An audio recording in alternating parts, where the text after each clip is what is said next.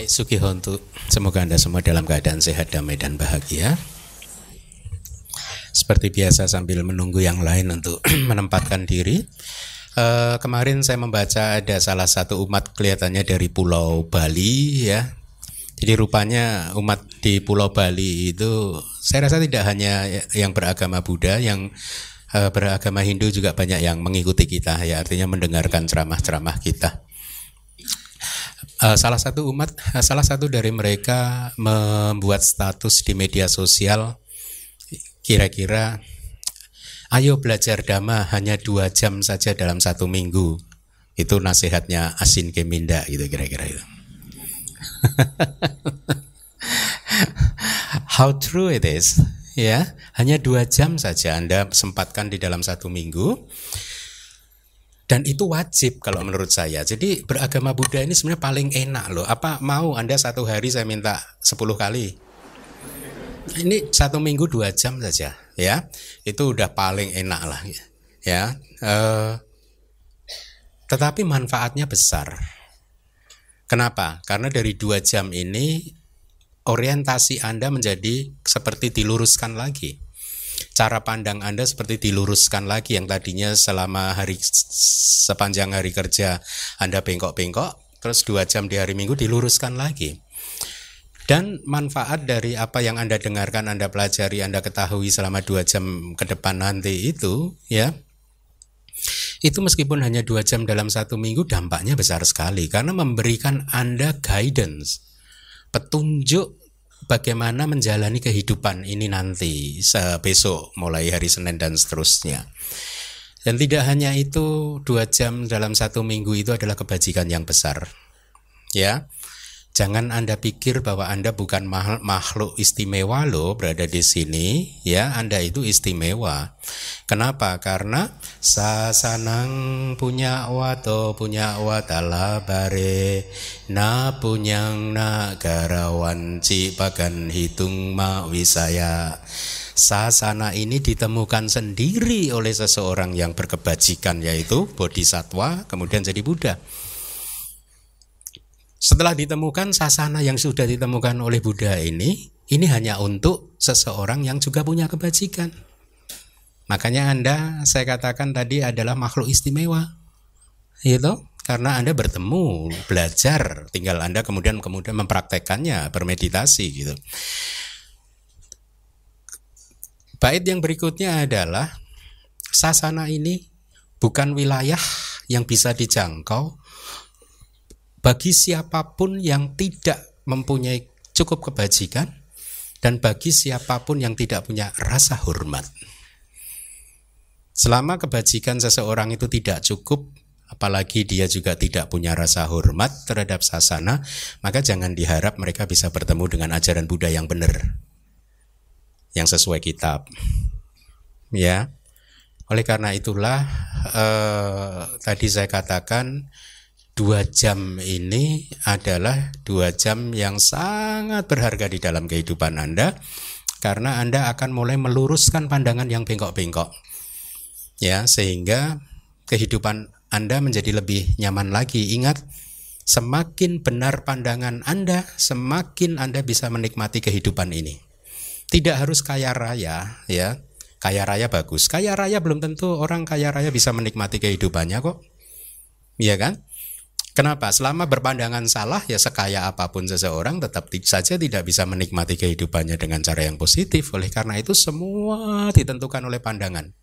Dan itulah mengapa ketika seseorang mencapai tingkat kesucian yang pertama yang dihancurkan dulu pandangannya.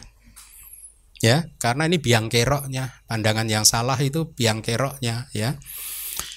Nah, eh, itulah mengapa tadi Uh, kalau kita kaitkan dengan puisi tadi ya saya sangat berharap kepada para murid itu teruslah menimbun kebajikan dan juga bang, terus tumbuh kembangkan rasa hormat terhadap sasana ya dengarkan baik-baik kata-kata Buddha yang akan disampaikan catat kalau perlu diulang kemudian di rumah lagi dan direnungkan sampai anda benar-benar menghayatinya gitu ya baik uh, jadi kita kembali lagi di kelas Pariyati Sasana.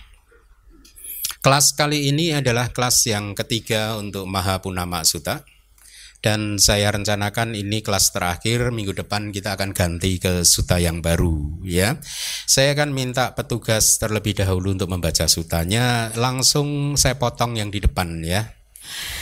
Tetapi yang mulia, dengan cara bagaimanakah sebutan agregat-agregat berlaku untuk agregat-agregat? Wahai biku, segala jenis bentuk materi apa pun, apakah di masa lampau, di masa depan atau di masa sekarang, internal atau eksternal, kasar atau lembut, hina atau mulia, jauh atau dekat, ini adalah agregat materi. Sekali lagi, ini adalah definisi yang diberikan Buddha untuk khanda ya. Anda selama ini sering mendengarkan kata pancakanda, agregat ya. Uh, definisinya adalah agregat itu kumpulan dhamma yang sama yang berasal dari 11 klasifikasi itu. Kalau Anda hitung itu 11. Masa lalu, masa depan, sekarang inferior, uh, superior dan seterusnya. Itu internal eksternal 11 ya. Uh, dikumpulkan semua menjadi satu, akhirnya itu jadi agregat. Di luar ini sudah nggak ada lagi dhamma yang disebut uh, di luar agregat kecuali nibbana. Jadi di seluruh alam semesta ini bisa dikelompokkan menjadi agregat dalam agregat seluruh alam semesta termasuk bun, bil, bun, bintang rembulan matahari itu masuk dalam agregat materi ya. Jadi kenapa diklasifikasikan ke dalam 11 klasifikasi ini? Buddha ingin menunjukkan kepada murid-muridnya bahwa segala sesuatu baik di masa lalu masa depan sekarang internal eksternal dan seterusnya itu anicca duga anatta jadi ini kayak all embracing nets di dalam alam, alam semesta ini. Ya, tidak ada sesuatu yang di luar di luar klasifikasi dari agregat ini. Semuanya udah terjaring, semuanya udah tercakup. Satu-satunya dhamma yang ada di luar agregat adalah apa? Nibbana, ya. Oke, kita lanjutkan. Segala jenis perasaan apa pun, jauh atau dekat, ini adalah agregat perasaan. Segala jenis persepsi apa pun, jauh atau dekat, ini adalah agregat persepsi. Segala jenis bentukan-bentukan apa pun, jauh atau dekat, ini adalah agregat formasi-formasi. Segala jenis kesadaran apa pun, jauh atau dekat, ini adalah agregat kesadaran. Dengan cara inilah wahai biku, sebutan agregat-agregat berlaku pada agregat-agregat. Ya, itu definisinya. Apakah sebab dan kondisi yang mulia bagi perwujudan agregat materi? Apakah sebab dan kondisi bagi perwujudan agregat perasaan, agregat persepsi, agregat bentukan-bentukan, agregat kesadaran? Empat unsur dasar yang besar, wahai biku, adalah sebab dan kondisi untuk agregat materi. Kontak adalah sebab dan kondisi untuk agregat perasaan. Kontak adalah sebab dan kondisi untuk agregat persepsi. Ya, Anda lihat tuh ada empat unsur dasar yang besar itu eh, bahasa palinya maha buta ya. Uh, ada empat berarti empat maha buta bahasa palinya cataro maha buta sering diterjemahkan jadi empat elemen yang sesungguhnya kurang tepat kalau mau mengikuti terminologi palinya harus uh, konsisten yaitu maha buta adalah unsur-unsur dasar yang besar memang keempatnya itu elemen elemen tanah elemen air elemen api dan elemen angin Kontak adalah sebab dan kondisi untuk agregat formasi-formasi mental. Batin materi adalah sebab dan kondisi untuk agregat kesadaran.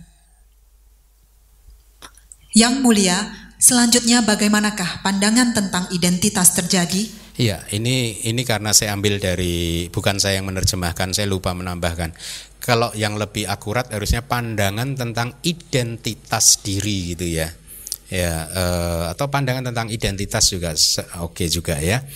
Bahasa palinya apa? Sakaya titik bagus ya. Di sini, wahai biku, seorang biasa yang tidak terpelajar, yang tidak melihat para mulia, tidak terampil dan tidak disiplin dalam dhamma mereka. Yang tidak melihat manusia yang saleh, tidak terampil dan tidak disiplin dalam dhamma mereka, menganggap satu materi sebagai roh, atau dua roh memiliki materi, atau tiga materi ada di dalam roh, atau empat roh ada di dalam materi, ia menganggap perasaan sebagai roh. Iya, poinnya adalah kembali lagi di dalam salah satu uh, kultur Buddhis yang bagus adalah adanya hubungan guru dan murid. Ya, murid harus mendekat kepada guru. Kalau statusnya masih sebagai murid nggak pernah mau mendekat ke guru, maka dia akan menganggap secara keliru ini tadi materi dianggap sebagai roh, ya. Roh memiliki materi, materi ada di dalam roh, roh ada di dalam materi. Jadi sakaya titik itu ada 20, ya 20 masing-masing dari 5 agregat berarti 20 bagi 5 berapa? Anda pasti tahu ini. Empat. Kalau empatnya apa aja Anda nggak tahu. Jadi di dalam masing-masing agregat terpecah menjadi empat pandangan seperti yang saya beri nomor itu. Materi sebagai roh. Ada seseorang yang menganggap tubuh jasmani sebagai roh. Atau ada seseorang yang lain menganggap roh memiliki materi tubuh jasmani ini milik saya, roh saya. Atau yang ketiga materi ada di dalam roh. Atau yang keempat roh ada di dalam materi dengan cara yang sama untuk agregat-agregat yang lain. Yaitu apa? Perasaan sebagai roh. Kemudian roh memiliki perasaan dan seterusnya. Kalau Anda jumlah semuanya ada dua puluh. Gitu. Ah, persepsi sebagai roh formasi-formasi sebagai roh, kesadaran sebagai roh, atau roh memiliki kesadaran, atau kesadaran ada di dalam roh, atau roh ada di dalam kesadaran. Ini adalah bagaimana pandangan tentang identitas diri terjadi. Tetapi yang mulia, bagaimanakah pandangan tentang identitas diri tidak terjadi? Di sini, wahai biku, Seorang siswa mulia yang terpelajar, yang menghargai para mulia dan terampil dan disiplin dalam dhamma mereka, yang menghargai manusia sejati dan terampil dan disiplin dalam dhamma mereka, tidak menganggap materi sebagai roh atau roh memiliki materi. Yaitu menghargai para mulia, artinya dia mendekat kepada guru-guru mereka, ya. Atau materi ada di dalam roh, atau roh ada di dalam materi ia tidak menganggap perasaan sebagai roh, persepsi sebagai roh, bentukan-bentukan sebagai roh, kesadaran sebagai roh, atau roh memiliki kesadaran, atau kesadaran ada di dalam roh, atau roh ada di dalam kesadaran. Ini adalah bagaimana pandangan tentang identitas diri tidak terjadi. Iya. Uh, jadi sekarang Anda tahu, kalau seorang pudujana dia masih mempunyai pandangan salah tentang identitas diri itu tadi ya. Ketika dia menjadi sotapana maka pandangan salah itu tadi itu dianggap pandangan salah itu hancur belenggu tersebut hancur ya. Nah jadi sekarang anda paham kan bedanya ya bahwa orang suci sudah tidak melihat itu sebagai roh lagi tidak ada sakaya didiknya lagi Sat, uh, dari 20 variasi semuanya itu tadi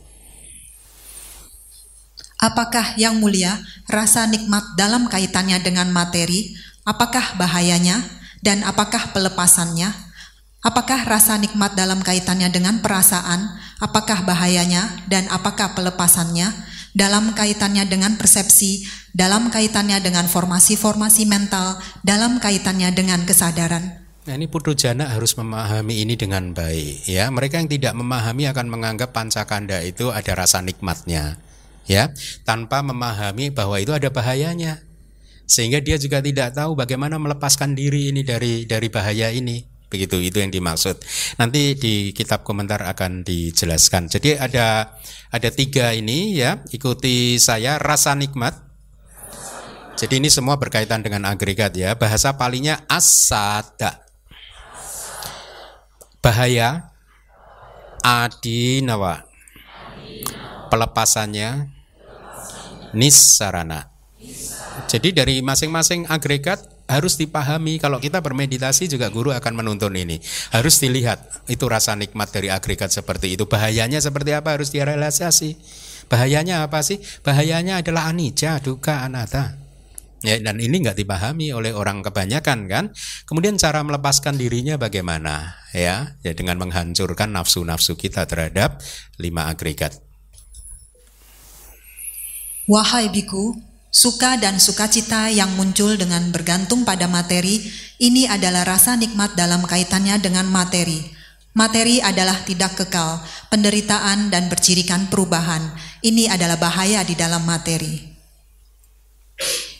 Pelenyapan hasrat dan nafsu, penanggalan hasrat dan nafsu terhadap materi, ini adalah pelepasan dalam kaitannya dengan materi.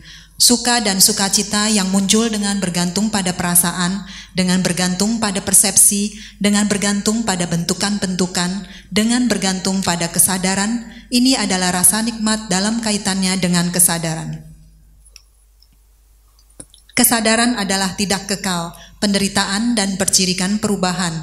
Ini adalah bahaya dalam kaitannya dengan kesadaran Pelenyapan hasrat dan nafsu, penanggalan hasrat dan nafsu terhadap kesadaran, ini adalah pelepasan dalam kaitannya dengan kesadaran. Yang mulia, bagaimanakah seseorang mengetahui, bagaimanakah seseorang melihat agar sehubungan dengan jasmani ini dengan kesadarannya dan segala gambaran eksternal tidak ada pembentukan aku, pembentukan milikku, dan kecenderungan laten yang dinamakan kesombongan? Jadi ada tiga terminologi di sini ya, pembentukan aku, pembentukan milikku dan kecenderungan laten. Ini sebenarnya variasi yang dari apa dengan istilah yang berbeda dari apa yang sudah pernah Anda uh, pelajari yaitu papan cak dama ya. Dama yang perkembang biakan artinya membuat agregat ini berkembang biak. Artinya agregat ini berkembang biak apa? Membuat seseorang itu jumlah kelahirannya bertambah ya kalau sotapana kan jumlah kelahirannya hanya tinggal tujuh. Kalau putu jana bisa makin lama makin bertambah loh. Itu yang disebut papanca berkembang biak dia. Lahir lagi mati lahir lagi mati lahir lagi gitu ya. Jadi ada tiga pembentukan aku ikuti saya. Bahasa palinya ahangkara. Pembentukan milikku. Bahasa palinya mamangkara kecenderungan laten yang dinamakan kesombongan. Mana anusaya. Jadi ini anusaya yang bernama atau dinamakan kesombongan. Mana? Wahai biku, segala jenis bentuk materi apa pun, apakah di masa lampau, di masa depan, atau di masa sekarang, internal atau eksternal, kasar atau lembut, hina atau mulia, jauh atau dekat, seseorang melihat segala bentuk materi sebagaimana adanya dengan kebijaksanaan benar sebagai berikut.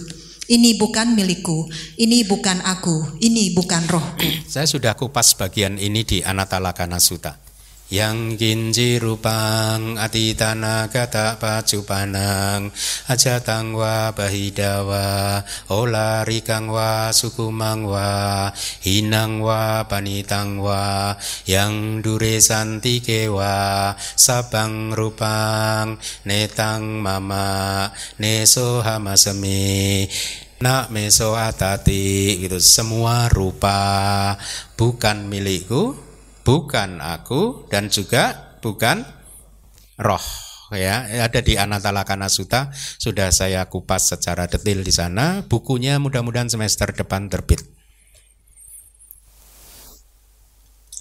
segala jenis perasaan apa pun, segala jenis persepsi apa pun, segala jenis formasi-formasi apa pun, segala jenis kesadaran apa pun, ia melihat segala jenis kesadaran sebagaimana adanya dengan kebijaksanaan benar sebagai berikut. Ini bukan milikku, ini bukan aku, ini bukan rohku adalah ketika ia mengetahui dan melihat demikian, maka sehubungan dengan materi ini dengan kesadarannya dan segala gambaran eksternal tidak ada pembentukan aku, pembentukan milikku dan kecenderungan laten kesombongan. Ketika Anda bisa melihat bahwa pancakanda itu bukan milik Anda, bukan Anda dan bukan roh, maka tidak akan ada pembentukan aku, pembentukan milikku dan anu saya yang disebut mana atau kesombongan pun juga tidak ada. Ya, hidup pun jadi nyaman hidup pun jadi damai ya. Inilah kunci kenyamanan kedamaian dan kebahagiaan dalam hidup ya. Bukan uang anda yang menjadi sumbernya ya. jadi uang nggak penting-penting sih. Selanjutnya. Kemudian dalam pikiran salah seorang biku muncul pikiran ini. Jadi sepertinya materi adalah bukan roh perasaan adalah bukan roh Persepsi adalah bukan roh, formasi-formasi mental adalah bukan roh, kesadaran adalah bukan roh. Bagaimanakah perbuatan-perbuatan yang dilakukan oleh bukan roh berdampak pada roh-roh? Ya, ini kan sering juga jadi pertanyaan Anda ya. Ya, jadi pertanyaan saya dulu lama gitu, awal-awal e, bertapa itu. Ya. Nah, mari kita lanjutkan. Kemudian begawan dengan mengetahui di dalam hatinya pikiran yang ada di batin biku tersebut berkata kepada biku itu sebagai berikut. Adalah mungkin, wahai para biku, seseorang yang bodoh, tanpa pengetahuan dan penuh ketidaktahuan, dengan pikirannya yang dikuasai oleh kehausan, akan berpikir bahwa ia dapat melampaui pengajaran guru sebagai berikut. Jadi, sepertinya materi adalah bukan roh, Kesadaran adalah bukan roh. Kalau begitu, bagaimanakah perbuatan-perbuatan yang dilakukan oleh bukan roh berdampak pada roh-roh? Sekarang, wahai para biku, kalian telah dilatih olehku melalui tanya jawab dalam berbagai kesempatan sehubungan dengan berbagai hal. Wahai para biku, bagaimana menurut kalian? Apakah bentuk materi adalah kekal atau tidak kekal? Tidak kekal yang mulia. Apakah yang tidak kekal adalah penderitaan atau kebahagiaan? Penderitaan yang mulia. Apakah yang tidak kekal, penderitaan dan bercirikan perubahan layak dianggap sebagai ini milikku, ini aku, ini rohku? Tidak yang mulia. Wahai para biku, bagaimana menurut kalian? Apakah perasaan, persepsi, formasi-formasi mental, kesadaran adalah kekal atau tidak kekal? Tidak kekal yang mulia. Apakah yang tidak kekal adalah penderitaan atau kebahagiaan, penderitaan yang mulia? Apakah yang tidak kekal, penderitaan dan bercirikan perubahan layak dianggap sebagai ini milikku, ini aku, ini rohku, tidak yang mulia? Ini jawaban yang straightforward dari Buddha, ya, e, sangat e, langsung menjawab ke sumber atau inti permasalahannya. Tapi elaborasi yang panjang lebar ada di kitab komentar dan kitab subkomentarnya, ya. Oleh karena itu, wahai para biku, segala jenis bentuk materi apa pun, apakah di masa lampau, di masa depan, atau di masa sekarang, segala bentuk materi harus dilihat sebagaimana adanya dengan kebijaksanaan benar sebagai berikut. Ini bukan milikku, ini bukan aku, ini bukan rohku. Segala jenis perasaan apa pun, segala jenis persepsi apa pun, segala jenis bentukan-bentukan apa pun, segala jenis kesadaran apa pun, segala jenis kesadaran harus dilihat sebagaimana adanya dengan kebijaksanaan benar sebagai berikut. Ini bukan milikku, ini bukan aku, ini bukan rohku. Melihat yang demikian wahai para biku, seorang murid suci yang terpelajar dan menjadi jijik terhadap materi, jijik terhadap perasaan, jijik terhadap persepsi, jijik terhadap formasi-formasi kehendak, jijik terhadap kesadaran. Karena jijik, ia menjadi tidak bernafsu. Melalui tanpa nafsu, dia terbebaskan. Ketika terbebaskan, muncullah pengetahuan, terbebaskan. Ia memahami kelahiran telah dihancurkan, kehidupan suci telah dijalani, apa yang harus dilakukan telah dilakukan, tidak ada, akan ada lagi penjelmaan menjadi kondisi makhluk apa pun. Mengalami kejijikan, dia menjadi tidak bernafsu. Dari tanpa nafsu, dia terbebas. Ketika telah terbebas, ada pengetahuan, saya telah terbebas. Dia mengetahui kelahiran telah dihancurkan, Kehidupan suci telah dijalankan, yang seharusnya dilakukan telah dilakukan. Untuk keadaan sekarang ini sudah tidak ada lagi yang lebih bahasa palinya ada juga ini ini syair di anak uh, di Anatalakana Sutta juga uh, ada sampai di sini itu.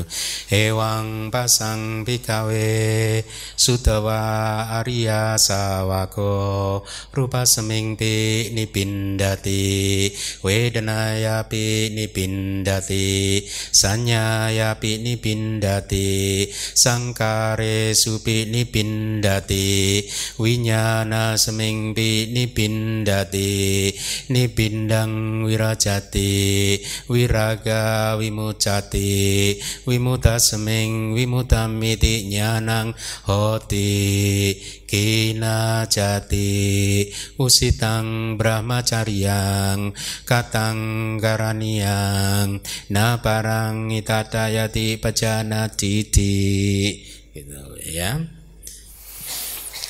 Inilah yang begawan katakan, bersuka cita, para biku gembira dengan apa yang telah dikemukakan oleh begawan. Dan ketika penjelasan ini sedang disampaikan melalui tiadanya genggaman, batin-batin sejumlah 60 biku terbebaskan dari noda-noda batin. Jadi akhirnya 60 biku itu menjadi arahat semua. Sutanya sudah selesai. Terima kasih Dona. Ya, uh, mari kita lihat penjelasannya. Sebutan agregat-agregat. Jadi tadi di suta kan ada kalimatnya, tetapi yang mulia dengan cara bagaimanakah sebutan untuk agregat itu berlaku untuk agregat-agregat gitu. Jadi ini uh, bertanya tentang definisi dari agregat gitu ya, yang kemudian dijawab oleh Buddha seperti yang tadi yang yinji rupa ngati tanaga tak baju panang rupa apa pun yang berasal dari masa lalu, masa depan dan masa sekarang, internal dan eksternal dan seterusnya dan seterusnya ada 11 klasifikasi tadi ya. Nah, uh, kitab subkomentar yang berwarna putih menjelaskan bahwa Kalimat itu diucapkan oleh Tera, guru dari 60 biku, yang bertanya kepada Buddha, kira-kira berapa banyak sih sebutan untuk agregat? Padahal beliau udah tahu. Ya, beliau bertanya ini mewakili 60 murid-muridnya gitu ya. Jadi ada berapa agregat karena beliau kan arahat juga sudah ya. Nah, eh, Buddha kemudian menjawab yang seperti tadi ada lima agregat dari 11 klasifikasi begitu ya. Kemudian eh, apa jadi semua agregat dengan 11 kategorinya tadi ya itulah yang uh, kembali lagi uh, itulah all embracing jadi satu jaring yang menjaring semua fenomena di luar itu sudah tidak ada selain nip uh, bana ya. Jadi ada berapa banyak sebutan untuk agregat gitu. Kitab komentarnya menjelaskan berapa banyak itu dalam artian batasannya ada berapa sih agregat-agregat itu. Jadi yang dimaksud di sini adalah agregat itu ada berapa? Ada lima. Fungsinya apa? Bagiannya apa saja? Kemudian disebutkan ada apa? Rupa kanda. Ikuti saya. Wedana kanda. Sanya kanda. Sangkara kanda, winyana kanda. Nah, itulah yang disebut sebagai agregat-agregat. Masing-masing memiliki karakteristiknya sendiri. Di kitab komentarnya dijelaskan karakteristik dari materi atau agregat materi ya itu adalah mengalami kerusakan. Itu udah ciri karakteristiknya materi tubuh jasmani kita ya. Kemudian materi di luar tubuh jasmani kita, karakteristiknya adalah senantiasa mengalami kerusakan. Ya. Kemudian dan akanda, karakteristik dari perasaan itu apa? Di sini disebutkan karakteristiknya adalah mengalami atau merasakan itu ya. Ini klasifikasi apa? Penjelasan dari sutanya begitu, kitab komentarnya merasakan gitu. Kemudian sanya kanda, persepsi, itu karakteristiknya apa? persepsi itu adalah dhamma yang mengenali objek. Mengenali oh ini bunga, ini laptop, ini apa pir, ini apa lilin dan seterusnya. Ketika Anda mengenali itu semua, itulah persepsi sebenarnya. Yang bekerja adalah bukan Anda tapi persepsi. Ya, ketika Anda mengerti oh ini Bante Keminda, yang membuat Anda mengenali ini Bante Keminda adalah persepsi ya padahal di dalam batin manusia itu dalam pancakanda itu fenomena mental ada banyak ada 53 satu jenis kesadaran yang macamnya ada 89 atau 121 ditambah 52 cetasika atau faktor-faktor mental. Nah, persepsi itu hanyalah salah satu dari 52 faktor mental. Fungsi karakteristik dari persepsi adalah tadi mengenali objek, ya. Jadi ke, uh, ilustrasinya seperti ini ketika Anda belum pernah melihat saya dulu itu, ya. Pertama kali Anda melihat saya, di dalam arus kesadaran Anda ada faktor mental yang disebut persepsi yang memberi tanda ke dalam uh, wujud seperti ini. Oh, seorang biku dengan kacamata seperti ini, jubah seperti ini, suara seperti ini namanya Bante Keminda. Anda seperti kalau di dalam kitab diberi contoh seperti tukang kayu kalau mau membangun rumah kayu dia memberi tanda kayu ini adalah untuk sebelah utara, kayu ini untuk sebelah selatan dan seterusnya.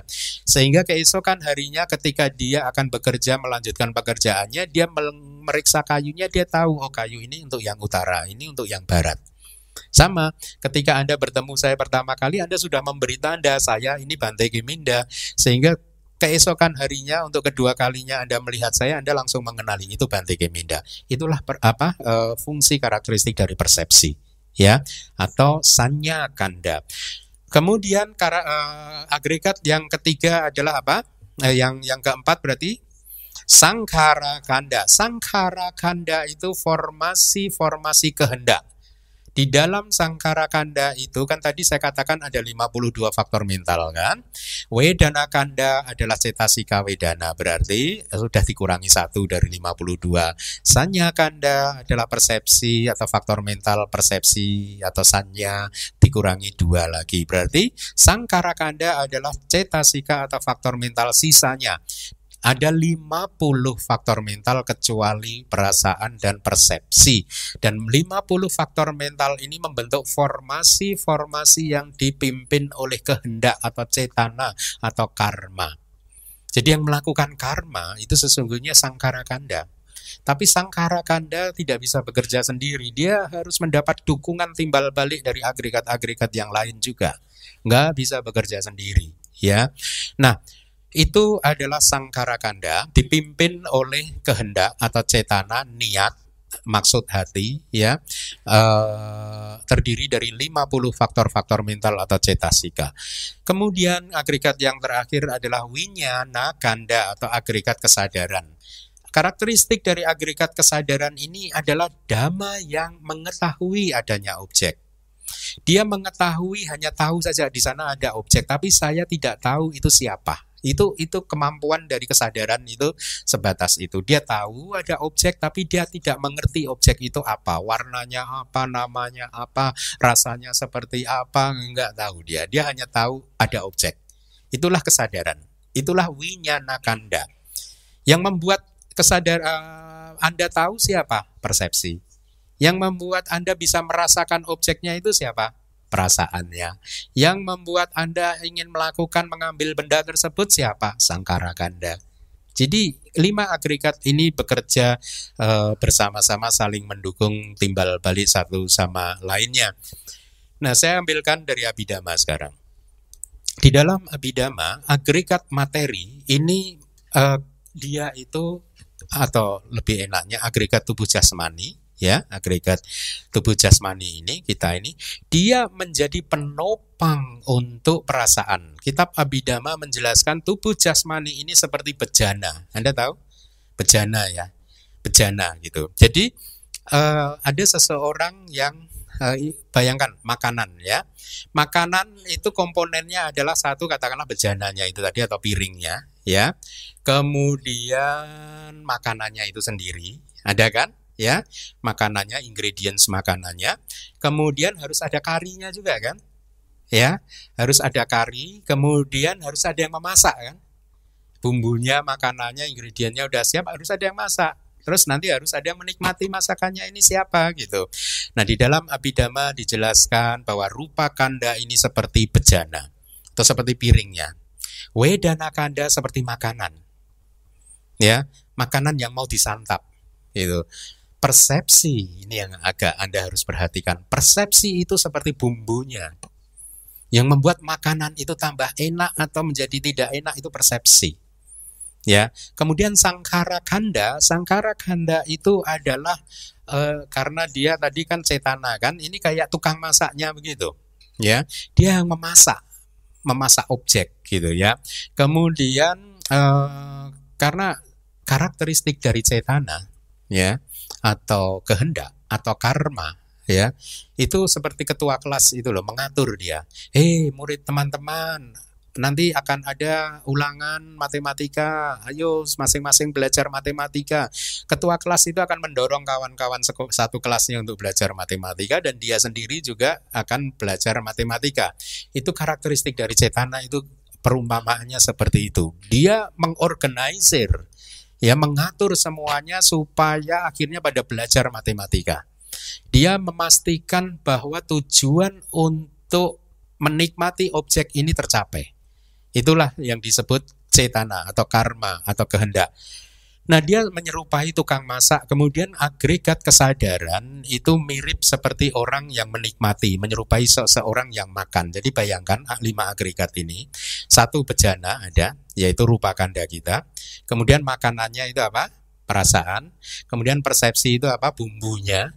Kemudian tukang masaknya siapa? Sangkara yang menikmati kesadaran. Saya hanya ingin highlight satu poin, persepsi. Persepsi ini bumbu Ya. Tapi hati-hati persepsi seorang yang belum tercerahkan tidak bisa dipercaya. Dia senangnya mengelabui. Anda bayangkan kalau bumbu karinya itu manis, enak, makanannya jadi enak kan? Kalau karinya itu bumbunya nggak enak, makanannya jadi nggak enak. Nah ini perumpamaan di dalam kehidupan Anda. Ketika Anda mengalami pengalaman kehidupan sehari-hari di dalam kehidupan Anda, kok Anda merasa kok tidak enak, hati-hati. Jangan salahkan orang lain. Segera salahkan persepsi Anda. Hidup jadi lebih positif. Ya, karena Anda persepsi itu tadi memberi bumbunya nggak enak. Ya tidak? Hmm? Anda sayang nggak sama suami Anda? Oh enggak. Ternyata. Atau yang suami Anda cinta nggak sama istri Anda? Enggak juga. Lalu ngapain Anda menikah?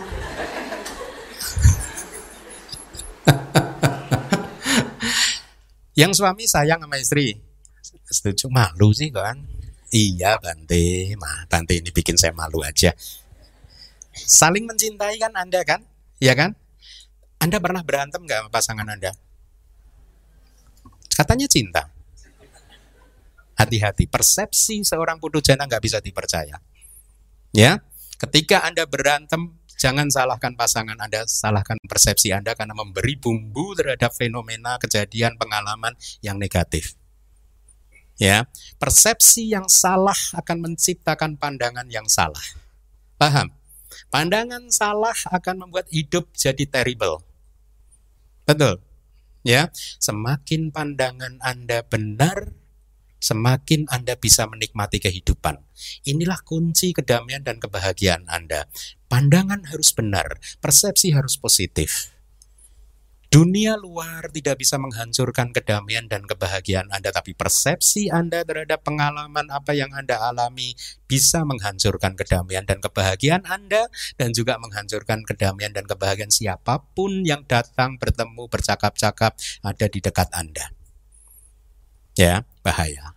Makanya ini salah satu yang saya suka dari meditasi ketika melihat bahwa oh ternyata saya ini sumber masalahnya ada di dalam. Sumber masalahnya, sumber penyakitnya tidak ada di luar sana. Sehingga secara perlahan-lahan kalau Anda bisa merealisasi ini, kehidupan Anda akan makin positif. Anda tidak akan menyalahkan lagi orang lain. Ya banyak positifnya itu. Nah, sekali lagi, Persepsi yang salah akan menimbulkan mempengaruhi pandangan sehingga menjadi salah. Persepsi yang benar akan mempengaruhi pandangan menjadi benar. Semakin benar pandangan seseorang, semakin dia bisa menikmati kehidupan ini. Dia tidak harus menjadi seorang bisnismen yang sukses atau seorang profesional yang sukses. Mungkin dia bukan bisnismen yang sukses, tapi pandangan hati dia benar, maka dia adalah orang yang bahagia. Jadi jangan khawatir kalau Anda bisnisnya nggak sukses.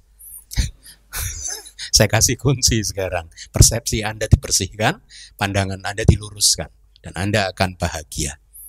Ya, nah itu adalah lima agregat. Ya, yang di layar lihat kalimat yang berwarna kuning adalah empat unsur dasar yang besar adalah sebab seperti dalam kalimat yang dimulai dengan tiga akar yang baik, Tiga akar yang baik itu sesungguhnya adalah aloba, dosa, amoha. Tanpa keserakahan, tanpa kebencian, tanpa delusi. Sesungguhnya adalah akar atau sebab ya, ya dari segala hal yang baik. Kalau kalimatnya itu diteruskan, itu kira-kira begitu. Nah, penjelasan dari kitab sub komentarnya untuk empat unsur dasar besar yaitu ya penjelasannya begini empat unsur dasar yang besar adalah sebab jadi Sebab untuk apa? Anda ingat karena dia adalah materi berarti ini adalah sebab untuk rupa kanda. Ya. Apa itu empat unsur dasar yang besar? Empat maha buta, masih ingat? Elemen tanah, elemen air, elemen api, elemen angin. Akar dan sebab sebagai sebab di sini akar yang menjadi kondisi akar ini padhana hetu pacaya. Di kitab komentarnya dikupas hetu pacaya. Ya, tapi kalau saya sampaikan di sini, saya takut Anda jadi tidak menghormati dhamma nanti. Makanya akan saya sampaikan apa eh, ringkasannya saja ya. Jadi Nanti tapi di dalam bukunya akan saya tulis lengkap gitu. Untuk fenomena mental karena tiga akar yang baik tadi fenomena mental yaitu tanpa keserakahan, tanpa kebencian dan tanpa delusi ya. Maka itu adalah akar ya dalam artian seperti akar di dalam pohon. Kalau kesadaran kita itu ada akarnya itu seperti pohon yang ada akarnya dia kuat ya. Karena dia adalah akar yang baik, maka dia adalah akar untuk kesadaran-kesadaran yang baik begitu ya. Uh, tadi malam kalau anda mau melihat mendengarkan penjelasan tentang ini, nanti kalau video dari DBS kelas Abidama tadi malam itu upload oleh uh, Aca, Anda bisa dengarkan. Saya membahas tentang kayaknya tadi malam hetu pacaya ada. Kondisi akar itu saya bahas. Ya, Anda nanti dengarkan ya karena kita tidak punya cukup waktu untuk membahasnya di sini ya belum dibahas aja udah banyak yang batuk-batuk sebelah kanan.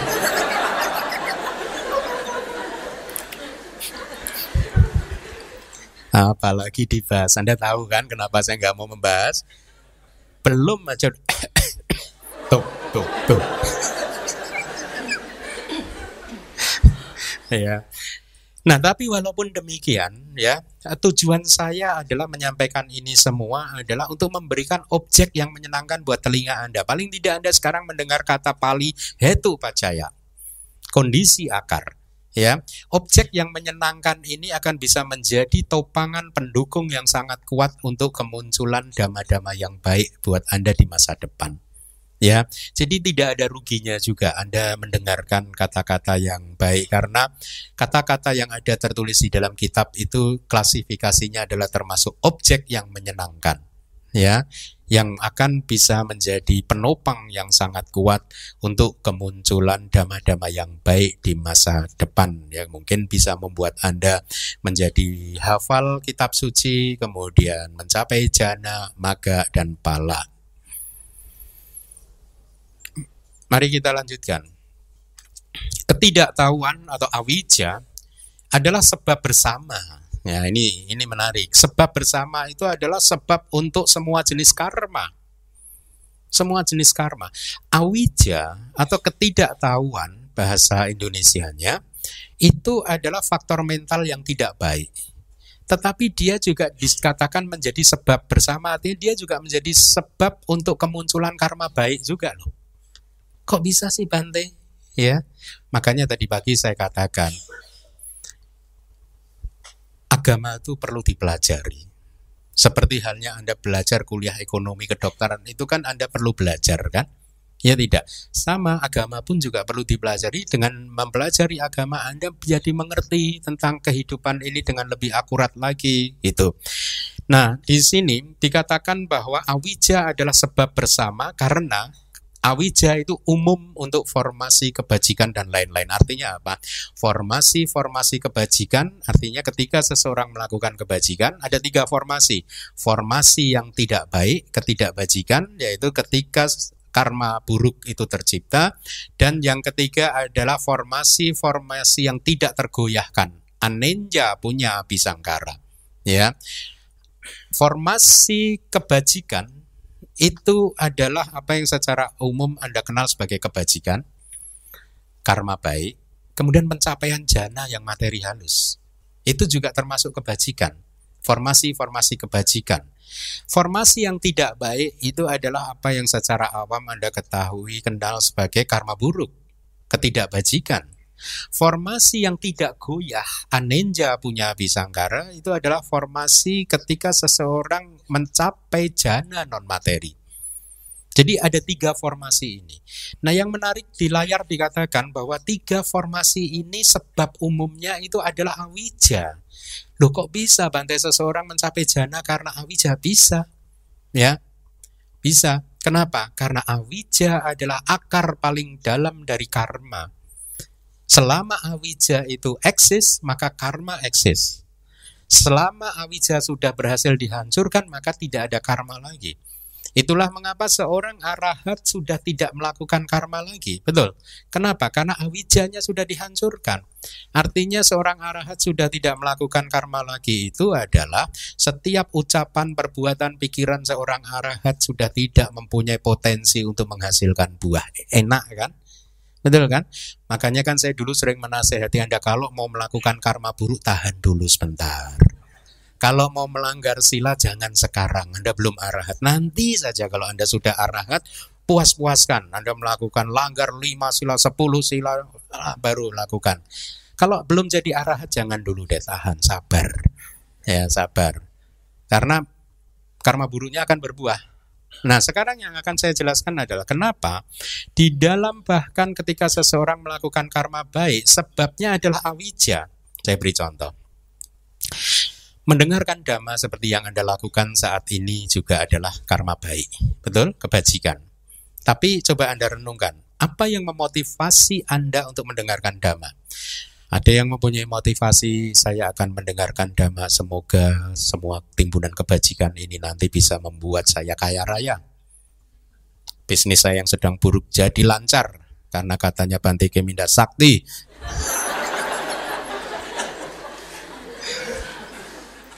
Lihat, ketika Anda berpikir ada yang namanya saya, itu dorongan dari awija. Karena sesungguhnya tidak ada saya, tidak ada bisnis sukses, tidak ada, ya. Semua hanyalah nama dan rupa. Ya. Awija mengelabui seseorang seperti katarak yang mengganggu pandangan seseorang. Definisi dari awija, ketidaktahuan adalah duke anyanang, ketidaktahuan tentang penderitaan. Duka samudaya anyanang, ketidaktahuan tentang asal mula penderitaan. Kemudian ketidaktahuan tentang akhir penderitaan. Ketidaktahuan tentang jalan menuju akhir penderitaan. Itu definisi pertama. Tidak tahu tentang empat kebenaran mulia. Itulah mengapa Anda beraspirasi saya ingin sukses bisnis tidak tahu bahwa semua di dalam samsara itu duka nyana. Semuanya adalah penderitaan dan Anda masih melekati terus dunia ini ya. Karena itulah e, cara bekerja bagaimana awija itu mendorong karma baik, mendorong dari belakang ya. Definisi dari awija yang kedua adalah awija ketidaktahuan selalu mengejar damak-damak yang tidak eksis. Terhadap damak-damak yang eksis, Awija tidak mau mengejar. Apa itu dama-dama yang tidak eksis? Perempuan, laki-laki, anak, mobil, rumah, uang, kantor, bisnis, semua selain cita-cita sika rupa nibana adalah dama yang tidak eksis. Nah, Anda baru tahu. Oh, berarti selama ini saya ngejar terus yang nggak eksis. Emang enak. baru tahu sekarang. Itulah awija. Terhadap dhamma yang tidak eksis, awija tidak doyan. Apa itu dhamma yang tidak eksis? Cita-cita sika rupa nibana. Apa itu yang dhamma yang nyata-nyata eksis? Kanda ayatana datu saja. Agregat, landasan-landasan indriawi, elemen-elemen, kemudian kebenaran mulia. Awija nggak doyan itu semua. Makanya, ayo retret. Oh. Itu awija. Awija in action ayo daftar retret oh. itu kira-kira suaranya Alija itu kayak gitu ya. Anda sekarang tahu kan. Ya nah mari. Makanya awija disebut sebagai sebab bersama. Bahkan ketika seseorang bermeditasi ya selama dia masih belum menghancurkan awija awija masih bisa mendorong seseorang. Wah saya sudah katakanlah seseorang sudah mencapai jana ya. Asik habis ini saya akan lahir di alam Brahma sebagai Brahma. Itu awija pikiran yang mengatakan berpikir ada makhluk yang disebut Brahma itulah permainannya awija karena sesungguhnya tidak ada Brahma. Yang ada adalah agregat-agregat. Ah, saya ingin dana katina semoga dengan dana katina ini saya lahir di surga tusita sebagai dewa santusita. Itu awija karena sesungguhnya tidak ada dewa. Yang ada adalah agregat. Paham? Itulah mengapa awija dikatakan sebab bersama sebab umum untuk semua formasi-formasi keba jikan gitu ya. Nah, eh, kembali lagi, selama awija masih eksis, maka semua perbuatan disebut sebagai karma. Ketika sudah tidak eksis, maka perbuatannya tidak bisa disebut sebagai karma. Ya, nah, mari kita lanjutkan. Kama baik dan kama tidak baik adalah sebab utama ketika memberikan resultannya masing-masing. Artinya karma baik memberikan buahnya, karma tidak baik memberikan buahnya. Jadi buah karma baik dan buah karma tidak baik sebab utamanya apa? Karmanya. Ya, karmanya. Makanya kalau seseorang sedang sukses bisnisnya, ya, itu adalah buah karma baik dia sendiri. Orang tapi pandangannya benar kalau hidupnya lagi enak loh. Kalau hidupnya lagi nggak enak, ketika hidupnya lagi nggak enak, yang salah orang lain. Ketika hidupnya lagi enak, sukses, berhasil, inilah karma saya. ketika ketika berantakan kamu sih, itu kan dulu menyesal nikah sama kamu itu, ah, malah nyalahin pasangannya. Ya. Nah, penjelasan dari kitab sub komentarnya, apa pun resultan kama atau buah kama, baik buah yang menyenangkan ataupun yang tidak menyenangkan, maka kamalah yang menjadi sebab utamanya. Dikatakan sebab utama. Anda harus cermat. Memang kitab komentar itu sangat teliti. Sebab utama, artinya ada sebab yang nggak utama. Ya, dengan kata lain, sebab yang nggak utama itu adalah syarat dan kondisi kalau sebab utama itu adalah buah mangga, itu sebab utamanya benih mangga. Tapi sebab tidak utamanya apa? Air hujan, pupuk, tanah yang subur, perawatan yang baik, itulah syarat dan kondisinya. Jadi di dalam kehidupan itu hukum yang berlaku itu seperti itu, gitu. Ya, uh, jadi kama adalah sebab yang utama. Sebab yang utama ini berhubungan langsung, seperti benih mangga dan buah mangga, dia berhubungan langsung. Ini sebab, ini akibat. Tapi kan benih mangga ini nggak bisa menghasilkan buah mangga kalau nggak disiramin pupuknya nggak ada, tanahnya nggak subur, ya kan? Jadi itulah syarat dan kondisi. Saya harap Anda mulai paham. Saya sudah mengupas tentang hukum karma itu sangat panjang lebar. Di ceramah di YouTube ada, di buku karma saya menulis, buku Abhidhamma bab kelima saya juga menulis tentang hukum karma. Selanjutnya, Sehubungan dengan hal tersebut, elemen tanah adalah sebab dan juga kondisi untuk penglihatan yang disertai dengan kebijaksanaan. Untuk tiga unsur dasar lainnya di dalam unsur dasar yang besar dan untuk materi yang bergantung, ini tadi malam sudah dibahas ini di dalam kelas Abhidhamma. Ya, jadi elemen tanah ada empat elemen gitu ya. Salah setiap elemen itu sebenarnya adalah sebab dan kondisi. Mereka saling mendukung sebenarnya elemen-elemen itu, ya.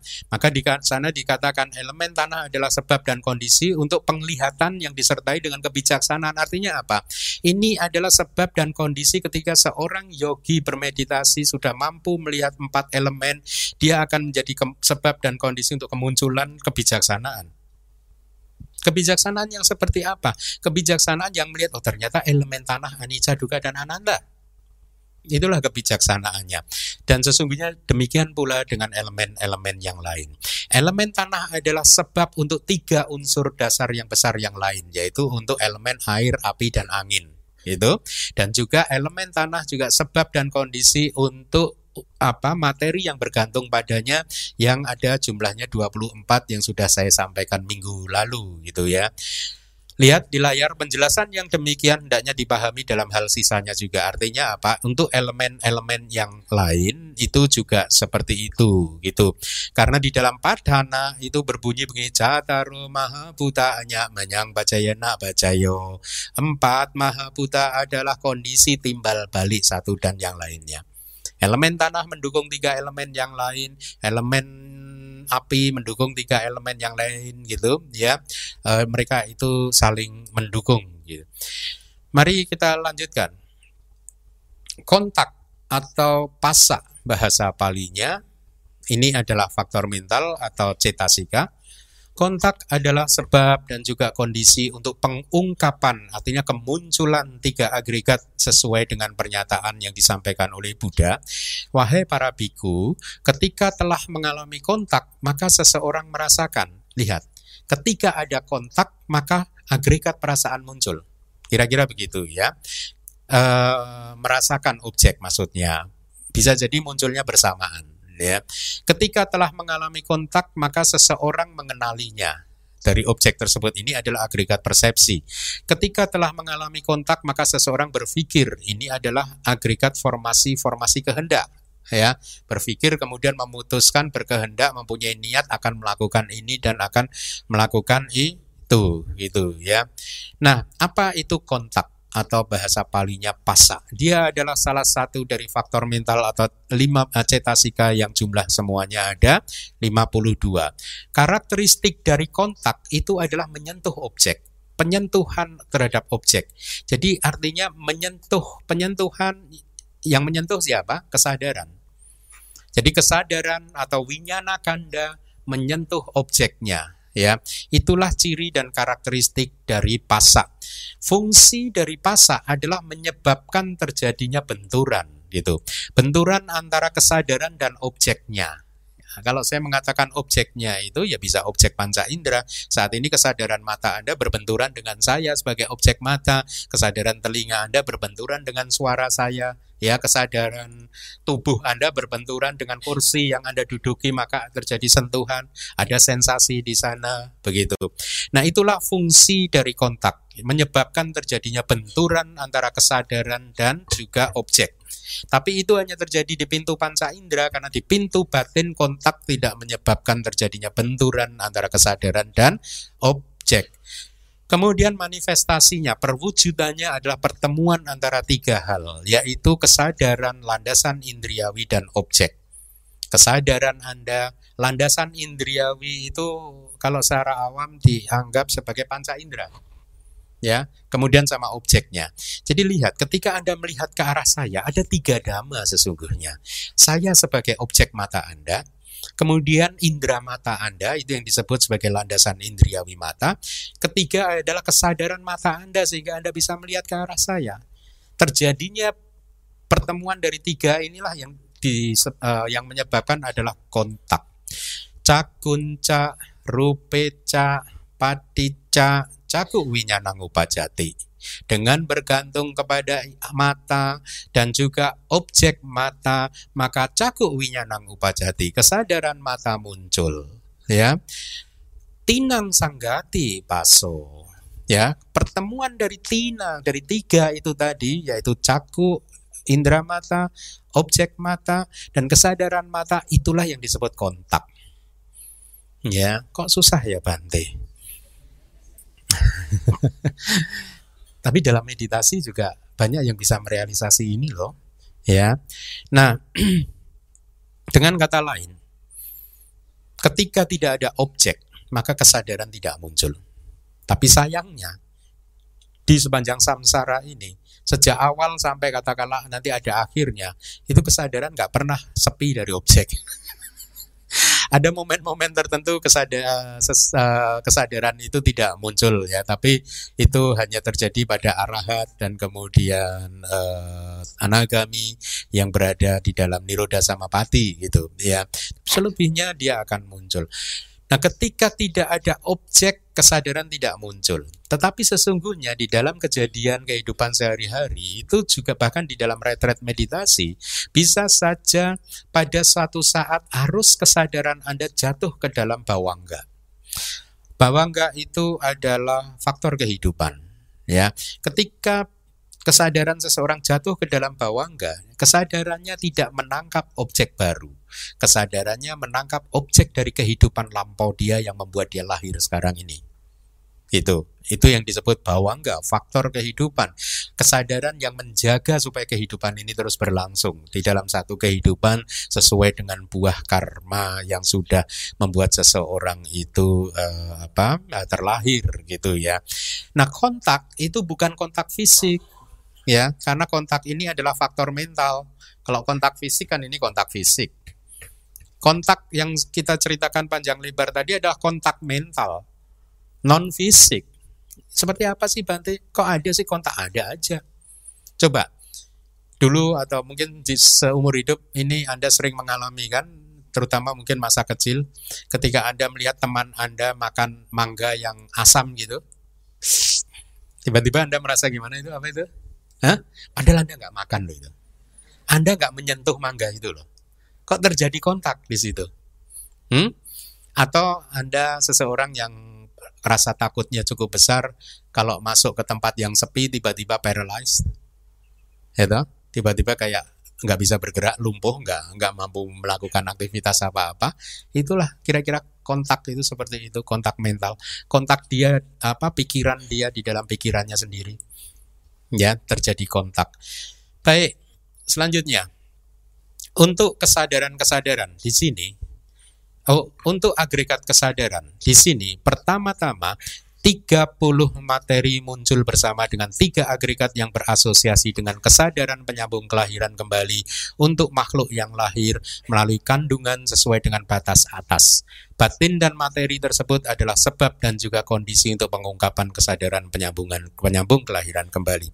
Sekali lagi, kalau Anda nggak paham abidama, Anda akan sulit memahami ini. Inilah mengapa saya sudah beberapa kali menyampaikan seandainya pun Anda itu paham bahasa Pali, bisa menerjemahkan, tapi kalau Anda nggak paham abidama, ketika membaca kitab komentar dan sub komentar Anda akan sering kesulitan. Karena Anda akan nggak paham ini apa.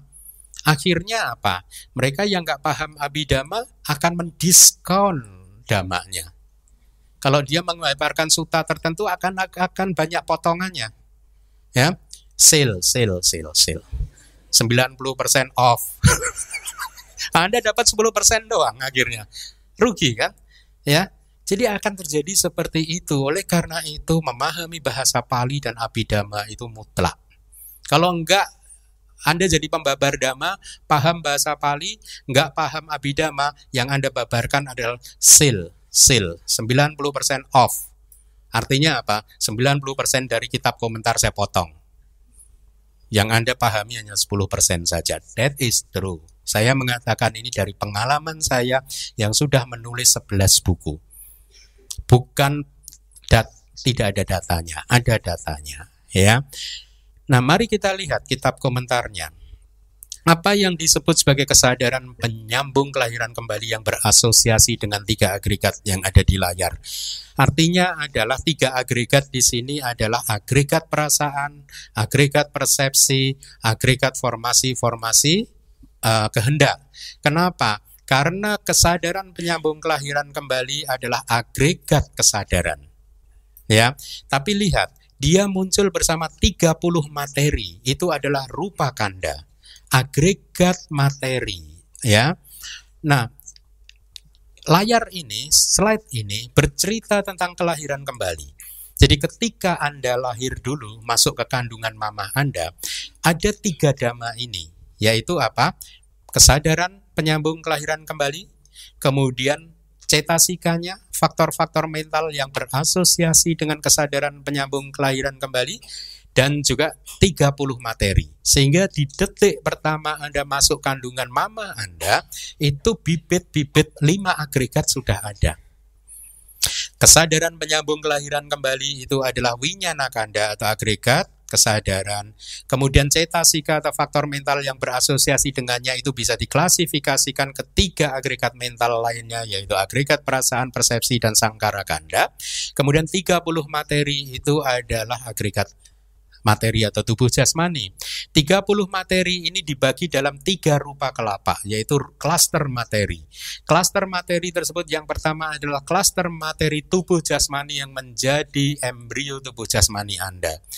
Klaster yang kedua adalah bawah, yaitu adalah yang menjadi bibit jenis kelamin Anda. Akhirnya kalau yang jenis kelaminnya laki-laki dia akan tumbuh jadi laki-laki, yang perempuan dia akan tumbuh jadi perempuan di detik pertama masuk ke kandungan mama Anda. Kemudian klaster materi yang ketiga adalah wadu dasaka rupa kelapa, yaitu adalah embrio atau bibit dari jantung Anda. Jadi tiga fenomena ini bahkan sudah masuk ke dalam kandungan orang tua kita ketika kita detik pertama, momen pertama lahir di kehidupan ini. Inilah yang kemudian berkembang menjadi tubuh jasmani kita, jantung kita, jenis kelamin kita. Jenis-jenis materi yang beri, yang lainnya itu berkembang belakangan. Ya, setelah itu tadi begitu. Nah, eh, jadi tiga materi tadi, patik sandi, kesadaran patik sandi, cetasika dan dan dan rupa tadi, dia seperti tripod di momen kelahiran kembali itu, saling mendukung dia. Tripod itu kan satu kaki mendukung, saling mendukung kan kaki-kakinya kan. Nah sama kesadaran penyambung kelahiran kembali mendukung cetasika dan juga materi-materi tadi. Materi juga mendukung yang lain, cetasika juga mendukung yang lain persis seperti tripod. Jadi bahkan di momen patik sandi itu damak-damak tersebut saling mendukung, membantu satu sama lain supaya bisa eksis gitu ya. Nah, mari kita lanjutkan. Sekarang di pintu mata, transparansi mata, ada yang sudah menanyakan minggu lalu atau secara awam dikenal sebagai indera mata, dan juga objek bentuk atau secara awam dikenal sebagai objek mata adalah materi. Jadi kita akan mencoba menganalisa. Ketika Anda melihat, sekarang melihat ke arah saya, lihat, indera mata Anda dan saya adalah rupa kanda. Betul? Ya. Kemudian Perasaan Anda terhadap saya itu adalah wedana kanda. Persepsi Anda terhadap saya itu adalah sanya kanda.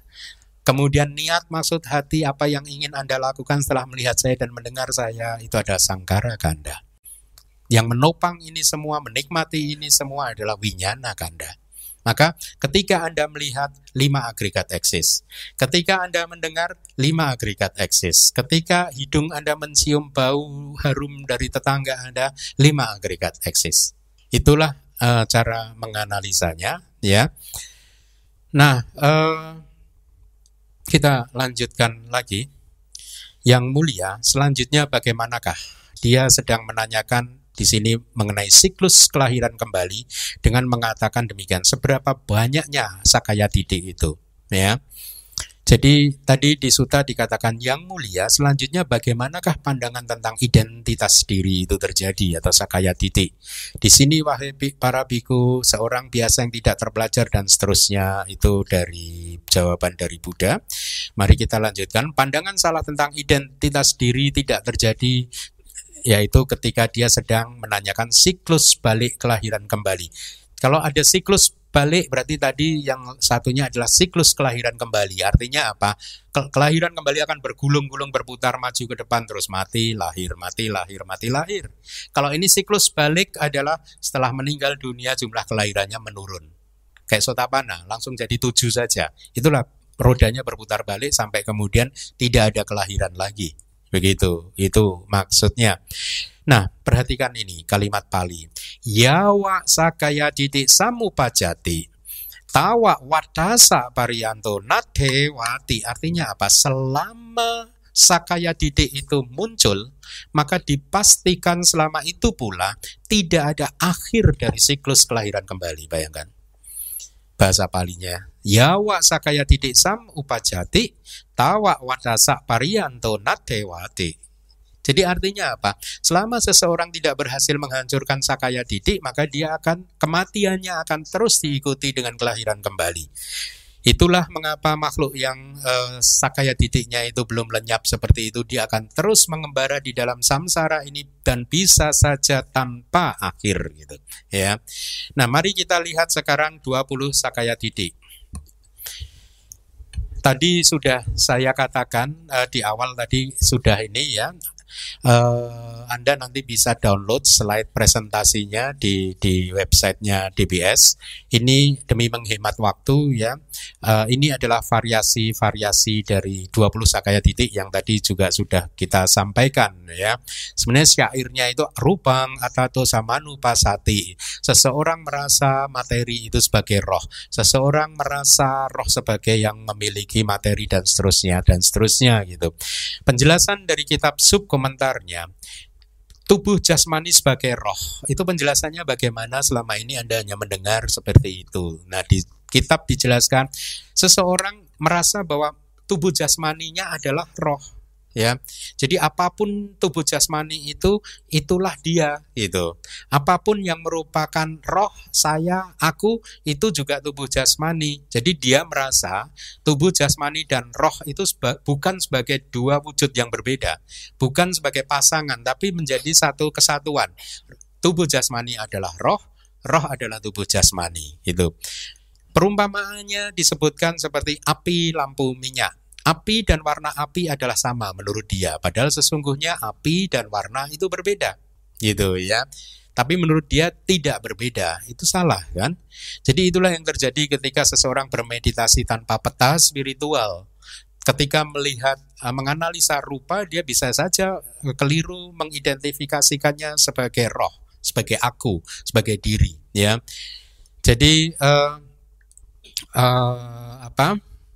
Kemudian roh sebagai yang memiliki materi. Dengan memahami bahwa roh adalah non materi. Jadi ini variasi sakaya titik yang kedua. Roh sebagai yang memiliki materi, artinya dia memahami bahwa roh dia itu yang dianggap roh itu adalah fenomena non materi, bukan materi. Dia merasa bahwa roh tersebut adalah yang memiliki materi. Perumpamaannya itu seperti pohon yang memiliki bayangannya ya toh? Padahal materi dan non materi adalah dua fenomena yang berbeda.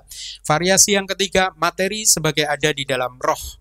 Mereka memahami bahwa roh adalah non materi dan dia merasa bahwa materi ada di dalam roh seperti bau atau harum bunga yang ada di dalam uh, bunga gitu. Yang keempat, roh sebagai uh, sesuatu yang ada di dalam materi karena dia memahami bahwa roh adalah non materi, dia merasa bahwa roh ada di dalam materi seperti manikam, batu permata ada di dalam keranjang ya. Untuk agregat yang lain dipahami dengan logika yang sama gitu ya.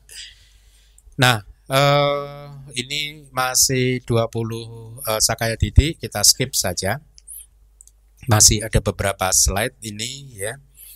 Ini adalah rasa nikmat dalam kaitannya dengan materi. Jadi sekarang kita akan diberi penjelasan tentang tadi tiga hal yang saya minta Anda mengikuti saya yaitu asada, rasa nikmat terhadap pancakanda, bahayanya apa, kemudian pelepasannya bagaimana gitu. Rasa nikmat tersebut melalui kalimat tersebut penembusan melalui pemahaman yang akurat dan juga duka saja diuraikan. Artinya apa?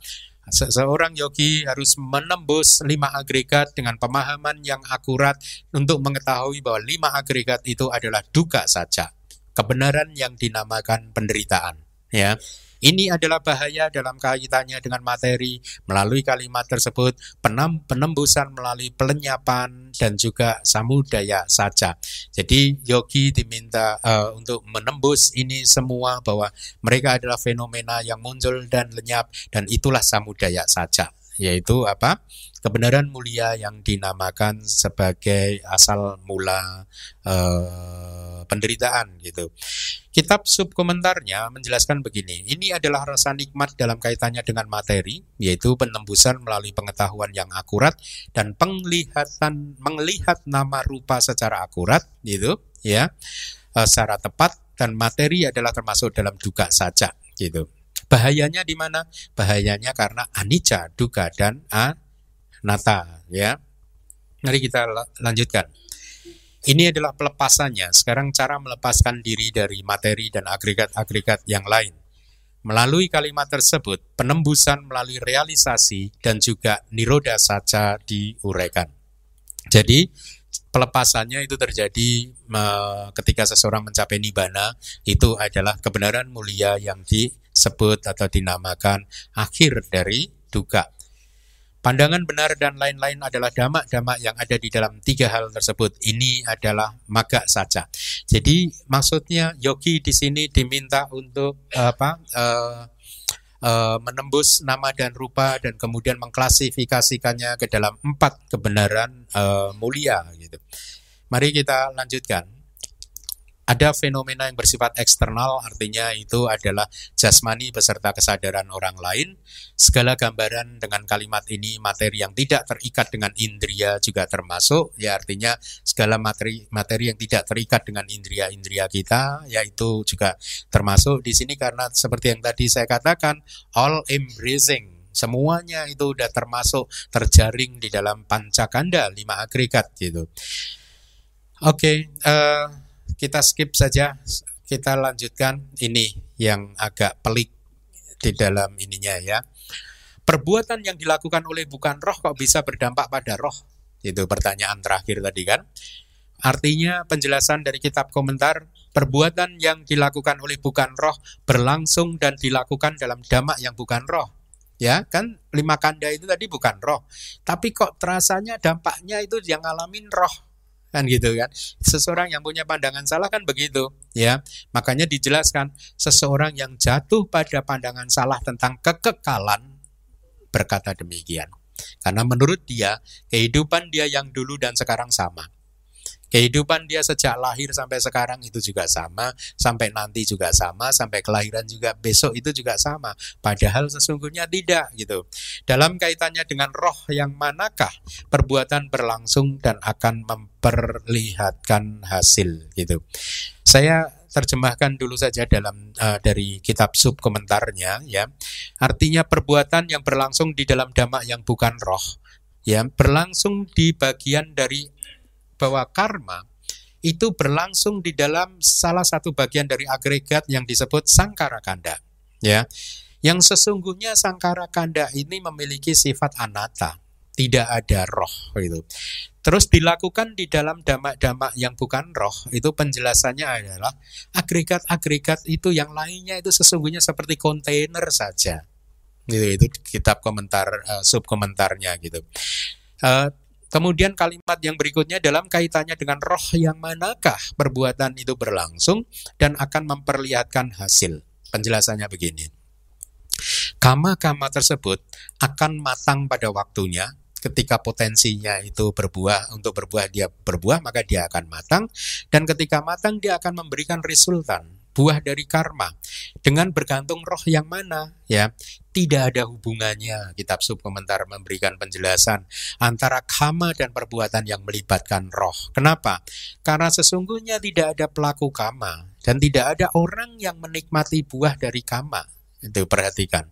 Hal ini karena eksistensi dari agregat-agregat itu hanya sementara saja muncul dan secepat kilat dia lenyap. Dalam satu jentikan jari, satu triliun fenomena mental itu muncul dan kemudian lenyap. Jadi roh yang mana? Tidak ada roh yang yang yang kekal tersebut. Penjelasan pertama diberikan berdasarkan kalau di kitab sub komentar di kupas uh, pembunuhan, pencurian dan lain sebagainya. Tapi saya akan sampaikan saja pembunuhannya saja ya.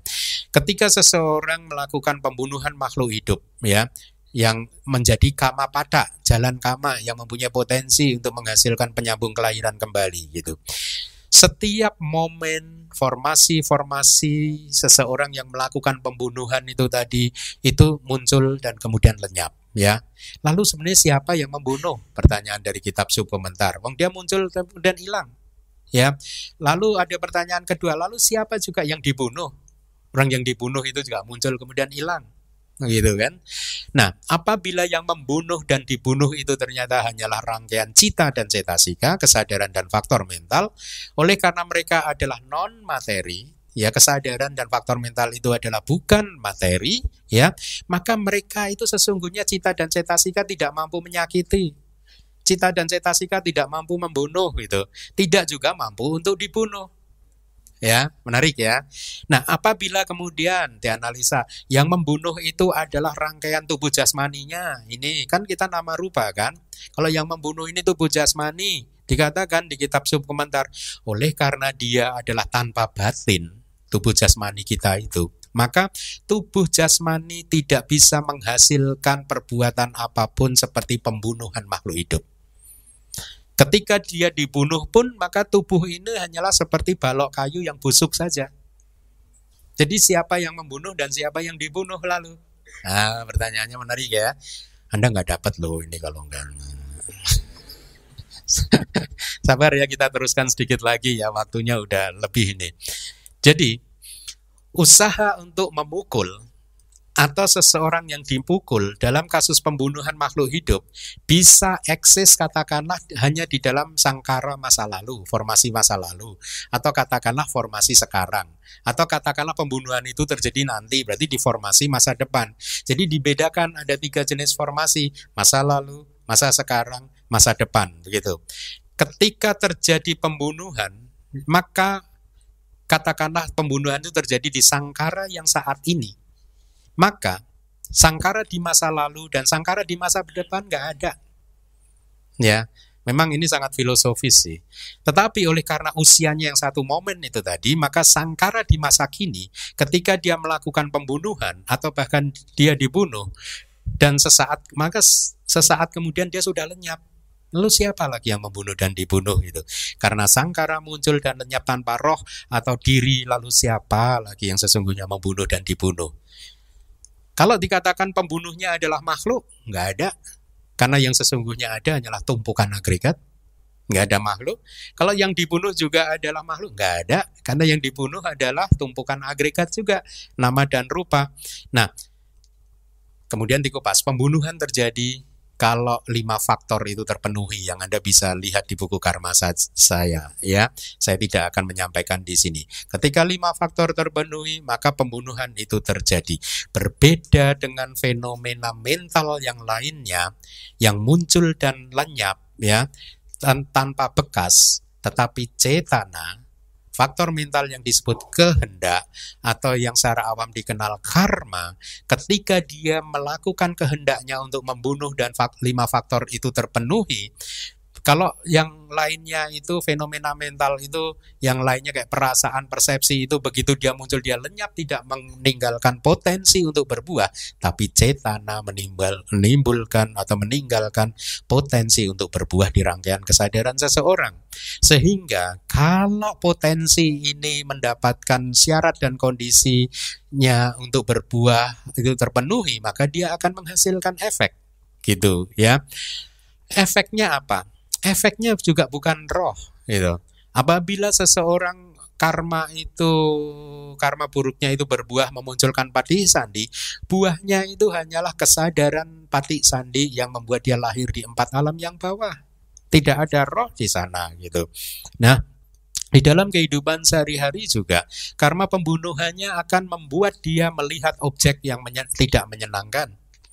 Ya, efek dari pembunuhan itu melihat objek yang menyenangkan tidak menyenangkan, mendengar suara yang tidak menyenangkan, mencium bau-bau yang menyengat tidak menyenangkan, merasakan cita rasa melalui lidah yang objek yang tidak menyenangkan, mengalami sentuhan-sentuhan yang tidak menyenangkan dan seterusnya. Itu hanya efeknya ya. Dan demikianlah apa yang secara konvensional kita kenal sebagai makhluk yang melakukan pembunuhan dan memetik buahnya itu terjadi seperti itu. Itu ya.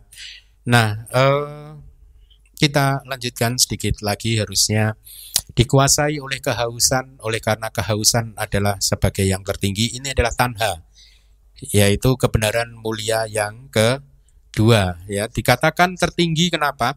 Karena kilesa-kilesa yang lainnya meskipun berperan tetapi tetap saja tanha ini yang utama. Ya itu yang dikatakan yang tertinggi. Seperti yang pernah saya sampaikan kalau protokol mengumumkan Bapak Presiden datang maka Presiden tidak pernah datang sendirian.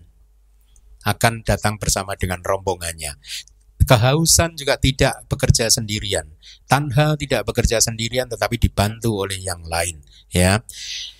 Sehubungan dengan berbagai hal di dalam berbagai macam dhamma gitu ya. Artinya kita sejumlah 60 biku artinya biku-biku ini yang menjadi murid dari Tera setelah meninggalkan subjek meditasi yang awal, dia bermeditasi dengan subjek meditasi yang baru yang diberikan oleh Buddha, akhirnya dia mencapai arahata di tempat duduk itu juga tanpa menghancurkan posisi bersila. Semua dari sisa ya dari suta sudah sangat jelas. Demikianlah penjelasan dari Maha Punama Suta. Uh, dengan demikian suta ini telah uh, selesai dijelaskan. Minggu depan kita akan mulai dengan suta yang baru. Terima kasih.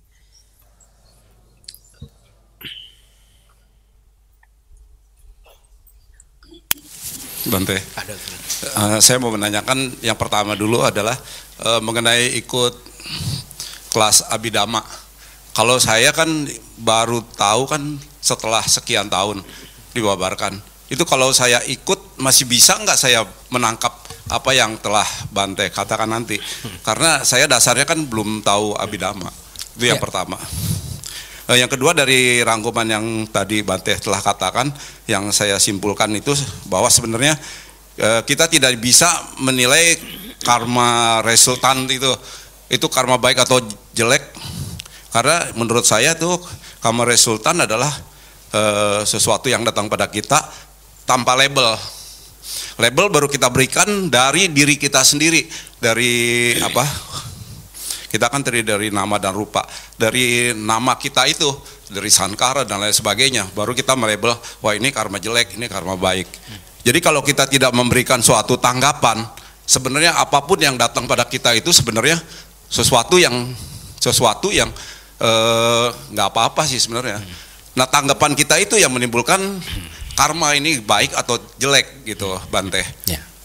Jadi menurut saya e, seperti kesadaran juga tadi kan Bante mengatakan bahwa kesadaran itu sebenarnya e, sesuatu yang tidak ada kalau tidak kita tanggapin, kita tidak berikan sesuatu gitu. Kebetulan karena kita putu jana, tanggapan apa? Kita selalu menimbulkan suatu tanggapan. Tapi kalau kita seorang arahat yang di mana kita udah nggak ada lagi sesuatu karma gitu, itu sebenarnya itu e, apa namanya? Sebenarnya nggak ada apa-apa gitu Bante. baik, baik, Itu menurut saya Bante. Oke. Okay, okay. Terima kasih Bante ya. ya. Jangan menurut saya. Persepsi seorang putu jana jangan dipercaya. Yang pertama tentang abidama. Ya, memang abidama itu berbeda dengan suta. Kalau suta ya seperti kayak gini Anda masuk di tengah itu masih bisa mengikuti. Kenapa? Karena pelajarannya lepas. Tidak tidak saling terkait.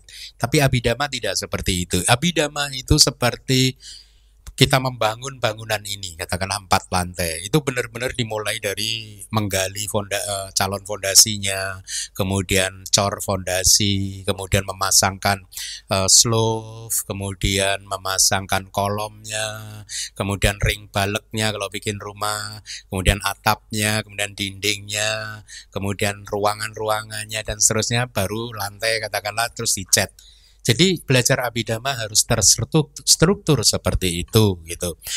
Kalau Anda masuk di tengah-tengah akan sulit untuk memahami ya tapi jangan khawatir buat an, siapa pun juga yang ada di sini saya sedang berencana untuk uh, membuka kursus abidama. Setuju nggak? Benar? Ah, ya, ah, ya nggak jadi deh yang daftar sedikit yang daftar sedikit gitu. Harus yang banyak dong. Setuju enggak? Ini tolong direkam ya nanti. Nanti kalau kursusnya dibuka kok nggak pada daftar. Ah, enggak, yang rugi Anda sih. Yang rugi Anda. Kalau nggak belajar abidama, mumpung lahir jadi manusia, mau lahir lagi kayak gini itu susah gitu. Maka jangan disia-siakan ya kitab kita tripitaka bukan dwi pitaka bukan dua pitaka tiga pitaka. Ya pelajarilah itu semua itu itu yang pertama. Pertanyaan yang kedua itu tentang resultan kama. Saya katakan bahwa saya sudah pernah menyampaikan ini sebenarnya. Ketika karma buruk itu berbuah melalui panca indera. Karma buruk itu kan berbuahnya itu yang menikmati itu kan sebenarnya kesadaran-kesadaran kita itu kan ya. Uh, tapi kan dia kan masuknya melalui panca indera dan juga melalui batin pikiran kita. Ya. Saya beritahu sekarang. Seburuk apa pun buah karma buruk itu sesungguhnya kalau dia berbuah melalui pintu mata, telinga, hidung, dan lidah, itu efek perasaan yang ditimbulkannya itu hanyalah netral saja. Makanya Bapak tadi ada benarnya. Separuh benar. Nah, separuh benar. Sebenarnya netral saja. Seburuk apa pun itu. Tapi kok kayaknya Bante kalau karma buruk lagi berbuah saya di di di apa dijudesin orang kok jadi sakit hati ya kayaknya perasaan hatinya jadi sakit itu bukan buah karma buruk Itu adalah reaksi Anda terhadap nyinyiran itu tadi. Nah, ya, karena persepsi Anda memberi kari bumbu yang negatif, eh kamu itu siapa? Kok maki-maki saya? Kok nyinyirin saya? Ya, akhirnya kita membalas itu dengan cara negatif. Itu bukan buah karma buruk. Sesungguhnya ketika ada orang itu memarahi kita, itu buah dari karma buruk. Tapi sesungguhnya perasaan yang ditimbulkan efek dari buah karma buruk itu hanya UPK, Pak. Netral saja. Ketika sakit hati itu muncul, ketika marah itu jengkel itu muncul, itu adalah reaksi. Ya, reaksi. Ketik itulah mengapa kita diajarkan oleh eh, guru-guru kita untuk senantiasa mengembangkan perhatian penuh. Karena kalau perhatian penuh itu hadir terus, maka kita akan tahu bahwa ini hanya UPK dan kita tidak bereaksi secara negatif. Ya. Ketika seseorang kehilangan perhatian penuhnya, ya, bakat lamanya, bakat terpendamnya muncul. Ketika dimaki, balas maki. Ya, itu bakat itu. ya, itu karena dia kehilangan perhatian penuh. Itu ya. Bahkan ketika tapi ketika karma buruk itu muncul melalui pintu tubuh, ada rasa sakit, Pak. Ya, misalkan seseorang nanti jalan ke lewat pintu kesandung itu kan lantainya lebih tinggi, tersandung dia jatuh, sakit kan? Ya itu memang buah karma buruk. Memang rasa tubuh. Jadi karma buruk yang dialami melalui pintu tubuh memunculkan rasa sakit. Iya. Tapi karma buruk yang dialami oleh pintu-pintu yang lain, pintu batin pun itu hanya UPK, Pak. Tidak ada sakit hatinya. Ya, dan itulah mengapa ya Eh, kembali lagi uh, kita semua harus sering melatih perhatian penuh supaya cepat hadir. Karena kalau perhatian penuh itu tidak cepat hadir, ya, maka api akan menyala, Pak. Emosi kilesa akan menyala. Itu. Semakin lama perhatian penuhnya tidak hadir, apinya semakin besar. Sehingga ketika api sudah membesar mau memadamkannya sulit. Inilah yang terjadi ketika seseorang itu marah selama 10 menit saja kalau tidak terdeteksi selama 10 menit kemarahannya udah seperti api yang sudah kadung besar. Mau dipadamkan akan sulit. Semakin dia memendam kemarahannya semakin lama apinya akan semakin besar sehingga memadamkannya akan sulit. Tapi kalau perhatian penuh itu hadir terus, api nggak sempat menyala. Kalau perhatian penuhnya hilang hanya satu detik, api hanya muncul satu detik. Ketika api baru muncul satu detik, mudah untuk dipadamkan. Seseorang yang baru marah, aduh saya marah. Terus dia sadar, cepat marahnya bisa dipadamkan. Ya, itulah mengapa yang harus kita exercise, kita praktekkan terus adalah perhatian penuh terhadap semua fenomena yang kita rasakan, kita alami melalui indera-indera kita, supaya kita bisa menjaga panca indera kita, dan dengan demikian batin kita senantiasa dalam keadaan yang indah, yang baik itu ya. Kilesa tidak bisa muncul Perhatian penuh menghalau kilesa. Ya, kalau tidak ada perhatian penuh, kilesa pasti muncul. Ketika perhatian penuh ada, kilesa tidak bisa muncul. Ya, oke, okay, terima kasih.